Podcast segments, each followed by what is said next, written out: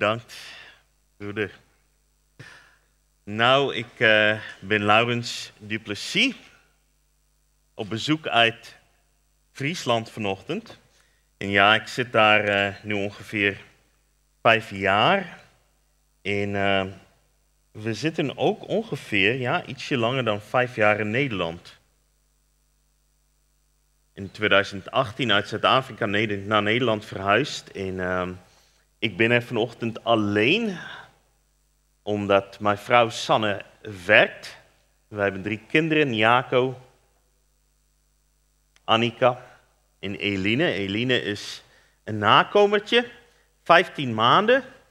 Jaco is ons eerstkomertje, 15 jaar. Intussen uh, hebben we Annika, een jaar of elf. Dus, maar ik ben hier vanochtend in... Uh, mijn eigen gezin, want we zijn met bloed aan elkaar verbonden als kinderen van de Heer, als kinderen van God door Jezus Christus. Nou, lieve mensen, vanochtend gaan we met beide voeten op heilige grond stappen.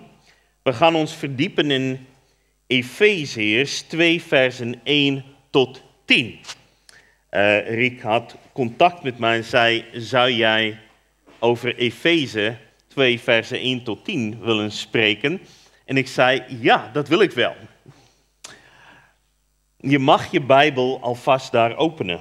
En uh, nu denk je misschien, Efeze. Is dat niet misschien een beetje taai? Jawel. Maar ik hoef het jullie niet te vertellen als Nederlanders dat um, Zelfs een goed stuk oude kaas kan heerlijk smaken als je de tijd neemt om erop te kauwen.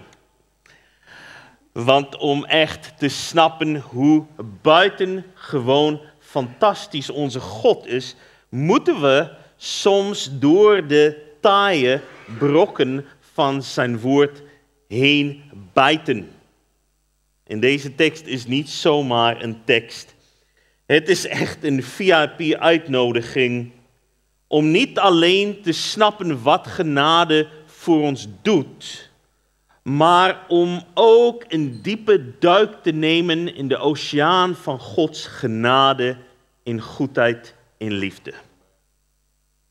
Weet je, soms moet je een beetje graven om bij het goud te komen. En vanochtend hebben we met Efeze 2 een schatkaart in handen. Nou, in onze speurtocht van vanochtend gaan we de wonderen van Gods genade verkennen.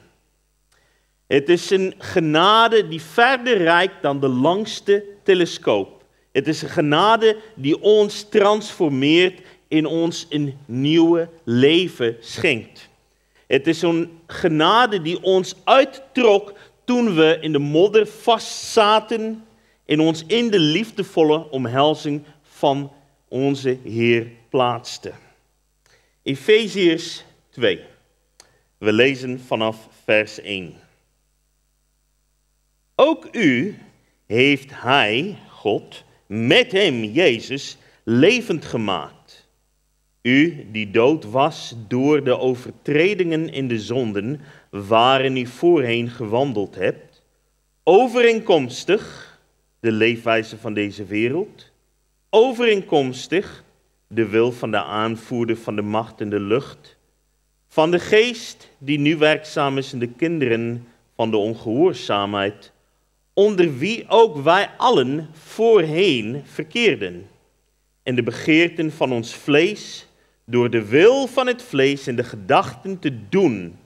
En we waren van nature kinderen des torens, onder een oordeel dus evenals de anderen, de ongelovigen. Even stoppen wij hier. Centraal vanochtend staat dit beeld van wandelende doden. Kijk, er hing volgens dit verhaal een doodsgeur aan ons. Een geur van verderf toen we nog zonder Christus waren. Voordat wij door Jezus werden gered, waren wij in essentie als wandelende lijken. Ja, het is niet zo'n leuk schrift om zo mooi te, te lezen en te denken, oh wat leuk. Nee, hier zit echt iets dieps in. Het is een schokkend beeld.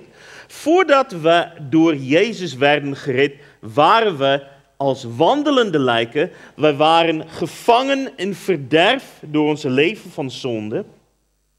We waren omringd door vijanden die ons overheersten. En we waren vervreemd van God omdat wij schuldig waren aan grensoverschrijdend gedrag jegens God, met andere woorden zonde. We hadden dus drie grote problemen, zegt Gods apostel Paulus hier. Drie grote problemen. Eén, ons verderf, de doodschuur die aan ons hing. Twee, onze vijanden. En drie, ons vonnis. Waar gaat het om? Verderf. Het was een nachtmerrie. Je bent dood in zonde. Ja, bijna als zombies. Die zo die goddelijke vonk missen. Eén verderf, twee vijanden. We zaten onder de knoet van drie duistere machten. Drie vijanden, hoofdzakelijk waarvan we lezen in de tekst. De wereld, al de trendy stromingen die ons ver van God brengen, de wereld met zijn systeem, met zijn cultuur, met zijn gedachten, met zijn waardesysteem. De wereld, vijand 1, tweede duivel. De sluwe influisteraar die ons altijd verder van God probeert te duwen. En drie, het vlees. Onze eigen verlangens die ons wegleiden van het licht en ons laten afdwalen in een doolhof van fouten. Drie voornamelijke geestelijke vijanden: de wereld, de duivel en het vlees. Dus, grote probleem nummer één, ons verderf, die doodschier. Grote probleem nummer twee, onze vijanden. Groot probleem nummer drie, ons vonnis. Klaar voor het oordeel. Onze eigen natuur had ons in de richting van een onontkoombaar vonnis geduwd met een label bestemd voor toren, bestemd voor oordeel, bestemd voor straf op onze harten geplakt. Mensen die Jezus niet kennen, leven soms in een waan van vrede in voorspoed, een waan van veiligheid maar het is een drogbeeld. Wat leert de Bijbel ons hier? Wat leert Gods woord? Wat is de realiteit? Beeld het je in. Probeer het zo voor je te zien wat Paulus eigenlijk hier afschildert, terwijl Gods geest het aan hem openbaart, aan hem openbaart. Beeld het je in, een eenzame zombie, een dead man walking doelloos zwervend door een nevel van verwarring. En rondom hem wervelen drie duistere vijanden, schaduwen, tirannen die deze man naar hun pijpen laten dansen en hem met onzichtbare draden verder de duisternis intrekken. En erger nog, Zwaar om zijn nek hangt er een bord, versleten, gehaven, maar met zijn vonnis duidelijk erop geschreven: schuldig, schuldig, schuldig in ter dood veroordeeld. We waren bekneld in verderf, belaagd door vijanden, bestemd voor vonnis en wij konden onszelf niet redden want we waren als wandelende doden. Maar er was iemand die weigerde ons op te geven. Iemand wiens onwankelbare liefde sterker was dan de dood. Iemand die klaar stond om ons uit de duisternis te trekken en ons thuis te brengen. En zijn naam is Jezus. Weer vanaf vers 1. Ook u heeft hij met hem levend gemaakt. U die dood was. Door de overtredingen in de zonde waarin u voorheen gewandeld hebt. Overeenkomstig de leefwijze van deze wereld. Overeenkomstig de wil van de aanvoerder van de macht van de lucht, Satan. van de geest die nu werkzaam is in de kinderen van de ongehoorzaamheid, onder wie wij ook allen voorheen verkeerden, en de begeerten van ons vlees, door de wil van het vlees en de gedachten te doen, en wij waren van nature kinderen des torens, evenals de anderen. En nu vers 4. Maar God, wil je het met mij zeggen? Maar God, die rijk is in barmhartigheid, heeft ons door zijn grote liefde, waarmee hij ons lief gehad heeft, ook toen wij dood waren door de overtredingen, met Christus levend gemaakt. Uit genade bent u zalig geworden. Even hier stoppen. Er was een diagnose. Diagnose was totaal verloren en besmet met een dodelijke ziekte. Kijk, lieve mensen, zonde bederft alles. Onze acties, onze gedachten, onze verlangen, onze wil, onze intellect en redenering. Alleen door verenigd te zijn met Christus volmaakte leven kunnen we goed worden in Gods ogen. Alleen dan. We waren dood in onze zonde, maar God. We waren rebellen tegen Hem, maar God. We waren tot slaaf gemaakt door Satan en onze zondige aard in de wereldse systeem om ons heen, maar God. Dit zijn misschien de twee welkomste woorden in heel het evangelie. Maar God. Prachtige woorden. Vers 4. Maar God, die rijk is in barmhartigheid, heeft ons door zijn grote liefde, waarmee hij ons liefgehad heeft, ook toen wij dood waren door de overtredingen, met Christus levend gemaakt. Uit genade bent u zalig geworden en heeft ons met hem opgewekt en met hem in de hemelse gewesten gezet. In Christus Jezus. Dus God heeft voor ons een goddelijke, driedelige verrassing in petto gehad. Allemaal dankzij onze nieuwe band met Christus. Eén, een nieuwe conditie. Als eerste heeft hij ons door een wonder wakker geschud uit onze zombie-staat en we zijn nu levend in wel. Geestelijk waren we dood, maar wij leven.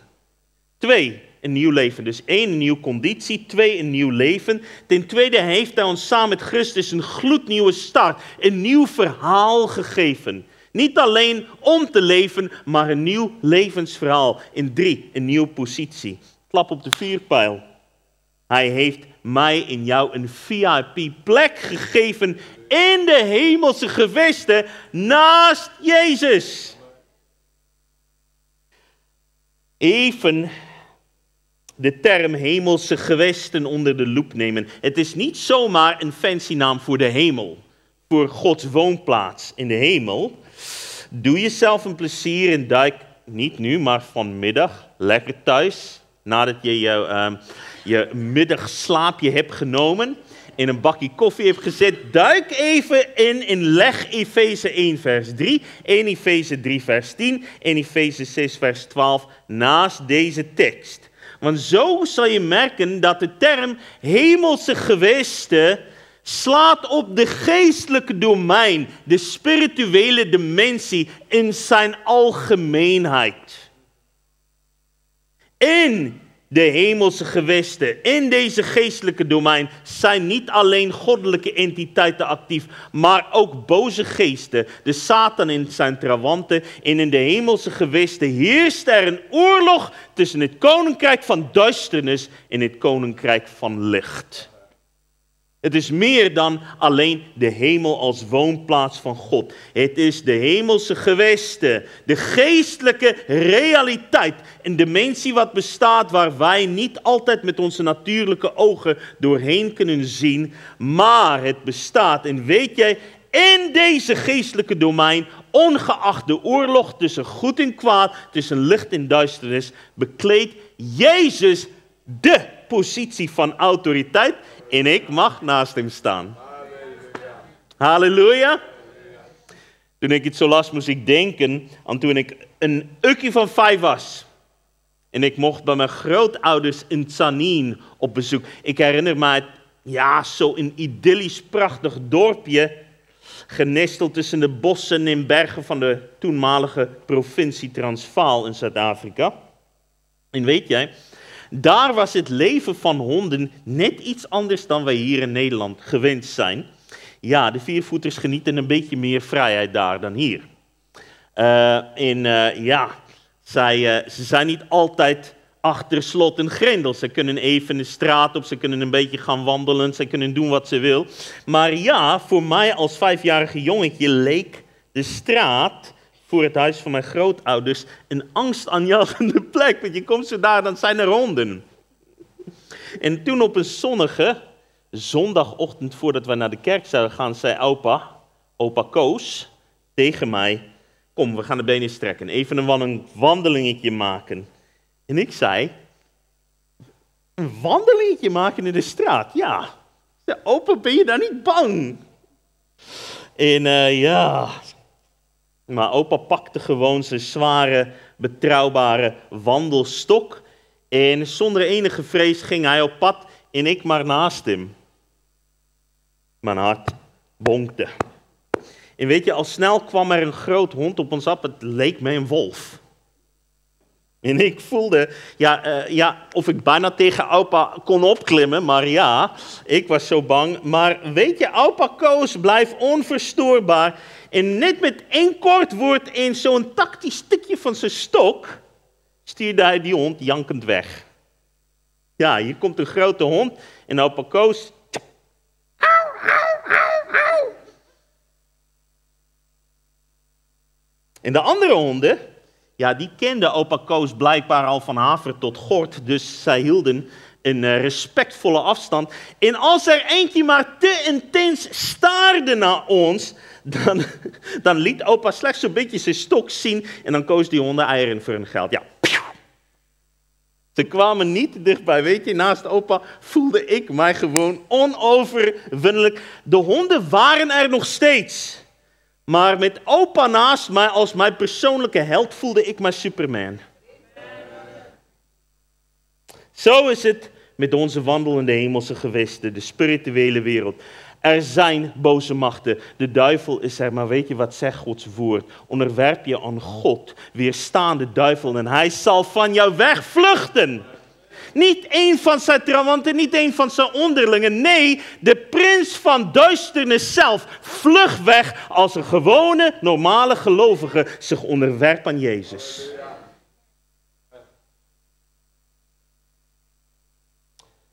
Wij hebben ook een positie. Wij wandelen ook naast iemand. En weet jij, ik ga je iets vertellen. Jezus draagt ook een stok. Zijn stok en zijn staf, die behoedt mij. Deze tekst leert ons dat Christus dood en opstanding niet slechts gebeurtenissen zijn die voordeel opleveren voor ons. Nee, ze zijn gebeurtenissen die onlosmakelijk deel zijn geworden van onze eigen persoonlijk levensverhaal. Opstanding van Jezus is jouw verhaal.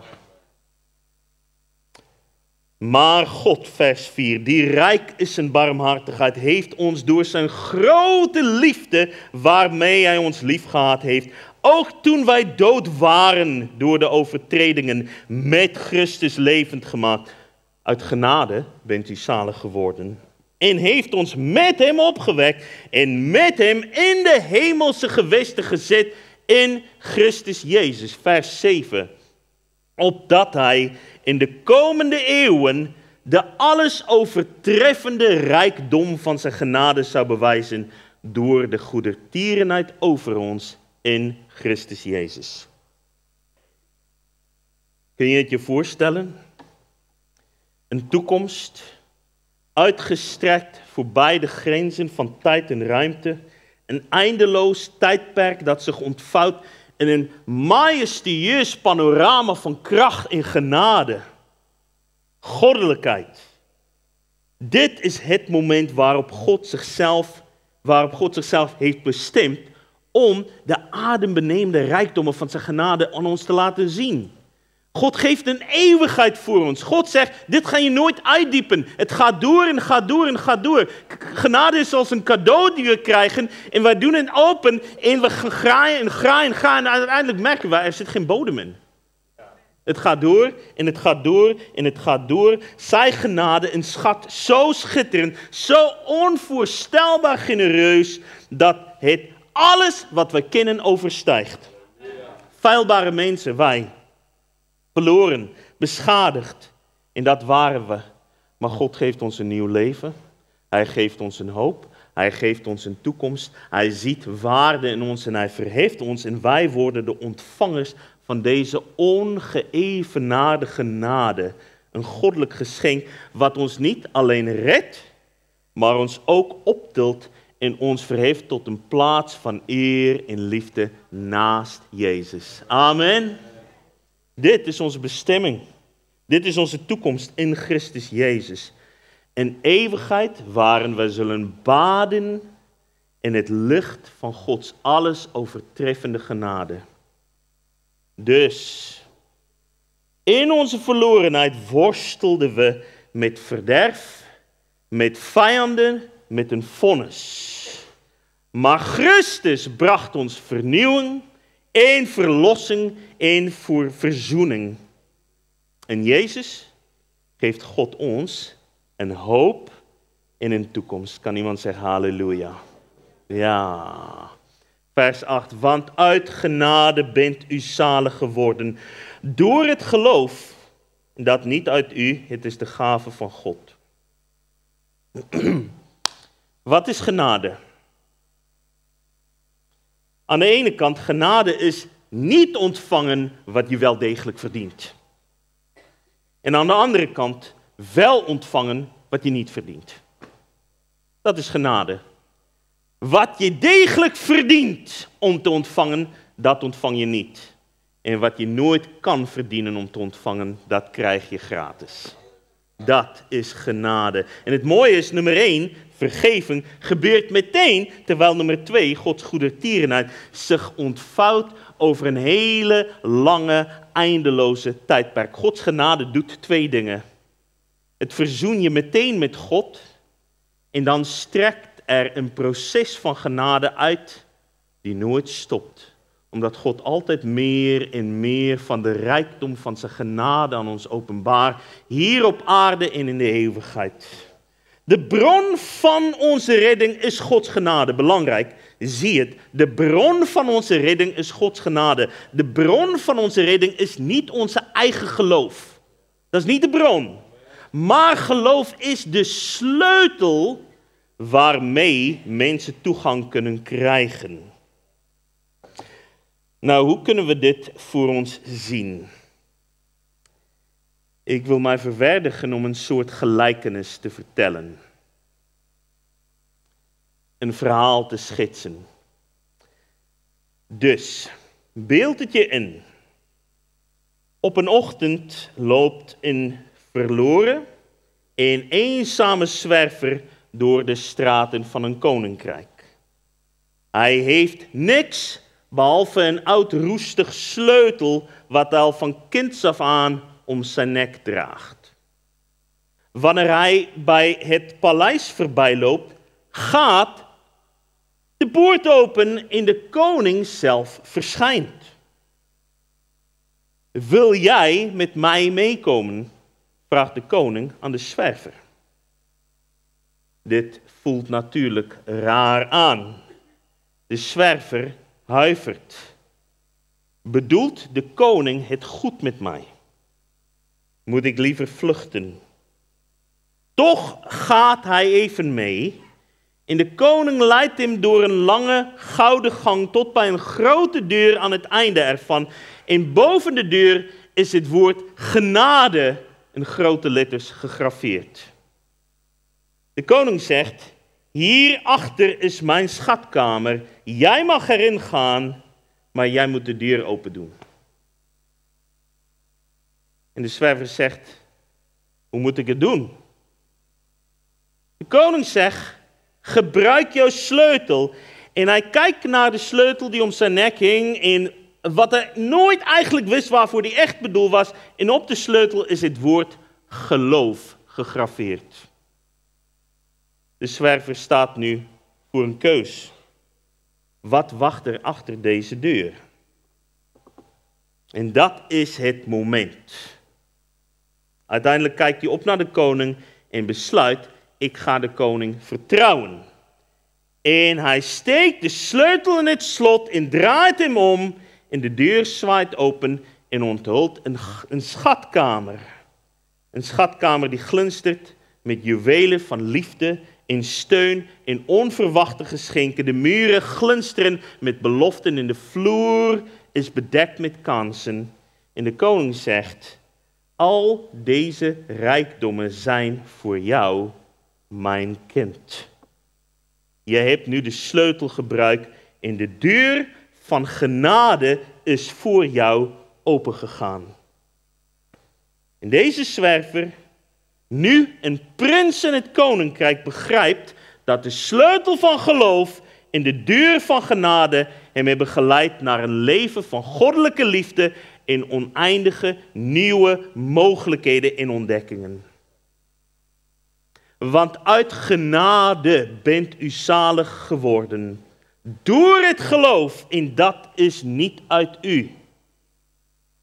Genade, niet uit ons, het is de gave van God.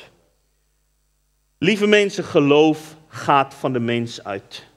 Het betekent je met vertrouwen tot God wenden en ja zeggen tegen het geschenk. Maar genade gaat van God uit. Het is Gods geschenk, gevuld met vrijspraak, met verlossing, met adoptie, met geestelijke gaven en met eeuwige wonderen. Vers 8, want uit genade bent u zalig geworden door het geloof en dat niet uit u, het is de gave van God. Vers 9, niet uit werken, opdat niemand zou roemen. Want wij zijn zijn maaksel, geschapen in Christus Jezus, om goede werken te doen die God van tevoren bereid heeft, opdat wij daarin zouden wandelen. We schieten goed op met onze moeilijke tekst. Wij boeken vooruitgang. Beeld je het in. Aan het kruis roept Jezus uit: Het is volbracht. Met die woorden zet hij een waanzinnig cadeau van genade voor ons klaar. Pakken we dit cadeau aan, dan zijn wij helemaal behouden. Jezus heeft het voor elkaar gebokst tot de laatste snik. We zijn voor de volle 100% gered in zalig. Er is geen plek voor ons mensen om iets toe te voegen aan onze redding. Het werk van Jezus is compleet en definitief. Zijn werk is volbracht. Maar nu, met de zekerheid van onze zaligheid op zak, ligt er een nieuw hoofdstuk voor ons open. Teksten zoals bijvoorbeeld, die mag je ook vanmiddag nader trekken, na je slaapje met je bakje koffie, samen de andere teksten. 2 Korintiërs 7 vers 1 leggen zo duidelijk uit dat alhoewel het werk van Christus volbracht is, wij onze werk nog mogen volbrengen. Dus, zijn werk is geklaard. Ons werk is nog niet geklaard. Zijn werk geeft ons redding. Ons werk geeft hem eer. Zijn werk gaat over rechtvaardiging. Onze werk gaat over stappen op de weg van levensheiliging. Zijn werk is afgerond. Ons werk is nog in proces. Wij zijn niet gered door werken. Wij worden niet gered door werken. Maar wij zijn absoluut gered voor werken. Ware geloof heeft altijd symptomen. Levend geloof heeft altijd symptomen. Als jij tot geloof bent gekomen in God, dan ben jij zijn maaksel, geschapen in Christus Jezus, tot goede werken. Voor goede werken die God heeft voorbereid voor jou om in te wandelen. Daar gaat Jezus en hier zijn de sporen van gerechtigheid. En elke keer als we een stap zetten in de sporen van gerechtigheid, zoals ik deed als kleine jongetje om te proberen in de voetsporen van mijn vader op het strand te lopen. Elke keer als wij zo'n stap zetten, dan gaat er een woord omhoog. Eer aan God, eer aan God, lof en eer aan God. Elke keer als wij iets doen om een stap te zetten in de voetsporen van gerechtigheid, die God heeft voorbereid voor ons om in te wandelen, dan brengt het eer en lof en in, in, in, in prijzing aan zijn naam. En God is lofwaardig. Dus met een hart vol dank en een leven vol hoop laten we ons inzetten om te dienen in het koninkrijk van God. Het is onze tijd om te stralen, om lief te hebben, om te dienen en om de liefde van Christus te delen in wat we doen. Ik sluit af. Lieve mensen, wij hebben vanochtend een diepe duik genomen in de oceaan van Gods genade. En we zijn weer aan het oppervlakte gekomen met schatten van inzicht en beloften van hoop. Het beeld van wandelende doden is omgezet in het levendige beeld van kinderen van God, stralend van genade en beladen met een goddelijke missie, namelijk om te wandelen in de werken van gerechtigheid die Hij heeft voorbereid voor ons om in te wandelen. Hij heeft dit muziek geschreven. Wij mogen het naspelen en het is een lied van lof tot God. Nu wij uit de donkere tunnel van het verleden zijn gestapt, staan we op de drempel van een stralende toekomst. Een toekomst die schittert met de beloften van God. Wij zijn zijn meesterwerk, geschapen om de goede werken te doen die hij voor ons heeft voorbereid. Maar terwijl wij dit pad bewandelen, laten wij vasthouden aan de wetenschap dat geen prestatie van onszelf ons definieert, maar dat de genade van God ons transformeert. Hij heeft ons leven gegeven. Hij heeft deuren geopend naar een nieuwe toekomst. Hij heeft onze plaats geschonken naast Christus in de hemelse gewesten. Hij is onze Heer. Hij is onze Verlosser. Hij is ons licht in duisternis. Hij is ons hoop in crisis. Hij is ons kracht in zwakte. Hij is ons vrede in onrust. Hij is ons leven, ons toekomst, ons alles. Hij is Jezus. Lieve mensen, Jezus Christus is de zin van het leven. Amen.